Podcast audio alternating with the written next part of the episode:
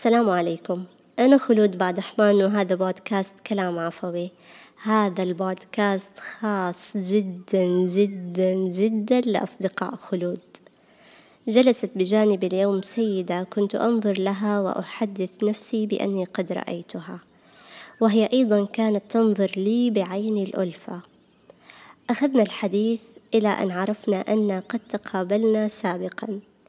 كنت معلمة لابنها في مدرسة رياض الأطفال وبمجرد أن ذكرتني تراءت لي صورة الطفل الصغير ولكن سرعان ما تلاشت حين قالت الأم عبد المطلب دحين أولى ثانوي لا أستطيع وصف شعوري ذاك الوقت ازدحمت الأسئلة غير المنطقية كيف صار أولى ثانوي ومتى ولماذا؟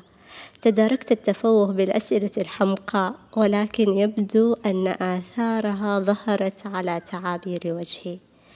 فقالت الأم متداركة أكيد كنت دوبك تخرجتي وصرتي معلمة. قلت فعلا لكن صوت بداخلي كان يقول ولكن كيف؟ هممت بالمغادرة وقلت لها بنبرة اليائس سلمي لي على عبد المطلب واسأليه إذا فاكر مس خلود أو لا. أعتقد من الضروري أن يظهر لكل منا بين فترة وأخرى عبد المطلب الخاص به وبأشكال مختلفة ليذكرنا كم قطعنا وما أنجزنا وكيف كان أثرنا وما الذي تبقى. أنت تكبر وإن لم تعترف. أنت تكبر وإن كنت صغيرا. أنت تكبر في كل لحظة وكل يوم وهذه هي الحقيقة. أتمثل اليوم بأبيات يحيى الحمادي حين قال يا ممسكي من ذراعي لم أعد حدثا. مرت ثلاثون دعني أهدر الفرص. مرت ثلاثون مني بغتة. فمتى يرتد عمري على آثارها قصصا العمر يمضي. شئت أم أبيت؟ أظهرته أم أخفيت؟ العمر يمضي. بك وفيك وعليك لذلك عرض نفسك لتجارب جديدة في الحياة بروح رحبة وعقلية متفتحة. فهناك فرق بين من علمته تراكمية السنين وبين من علمته التجربة بحكمة في وقت وجيز. وعلى قول البحتري كهل التجارب في ضجاج الموقف. أحب قول الشاعر سامح أبو هنود لم أخف عمري أو كتمت سنيني حتى وإن لم يبدو في تكويني إن قست عمري بالتجارب خلتني كهل ولم تعيد بحار سفيني. العمر هو فرصتك التي يجب أن لا تهدر أو تضيع. العمر هو قصتك التي يجب أن تعيشها كما تريد.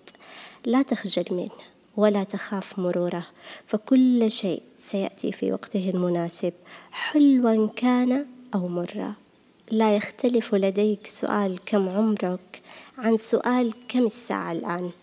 فكما أنها الآن الثالثة فجرا وبعد ساعة ستكون الرابعة كذلك العمر. فاليوم أنت في سن الثالثة والثلاثين والعام المقبل ستكون في الرابعة والثلاثين وهكذا. المهم أن يكون داخل هذا العمر حياة حقيقية.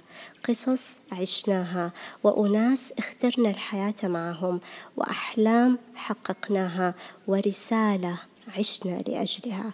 والأهم أن تجد إجابة حقيقية يوم تسأل وعن عمره فيما أفناه.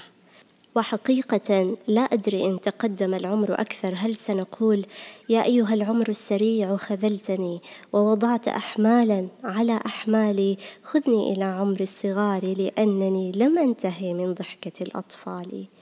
عن نفسي لم أعد أحب الدخول في جدال العمر مجرد رقم أو لا لأن الموقف يحتم طبيعة التعاطي معه. ولكن أحاول أن أتعامل معه كشيء عادي كحالة طبيعية لأن توالي السنين بهذا الشكل يستحق أن نقف ونتأمل ونعيد ترتيب قصتنا. يقال لا يدري الطير كم عمره ولا تحصي شجرة الورد أعياد ميلادها. بيد أني الطير الذي يعرف كم عمره وشجرة الورد التي تحصي أعوامها وتتجدد. أخيرا دامت حياتكم حافلة بالمسرات وأسعدكم توالي النجاح والإنجازات وجرى بين الناس طيب آثاركم والخيرات. شكرا لاستماعكم. لا تنسوا مشاركة الحلقة مع الناس اللي تحبوهم بس اللي تحبوهم ونلتقي بإذن الله تعالى في حلقات قادمة.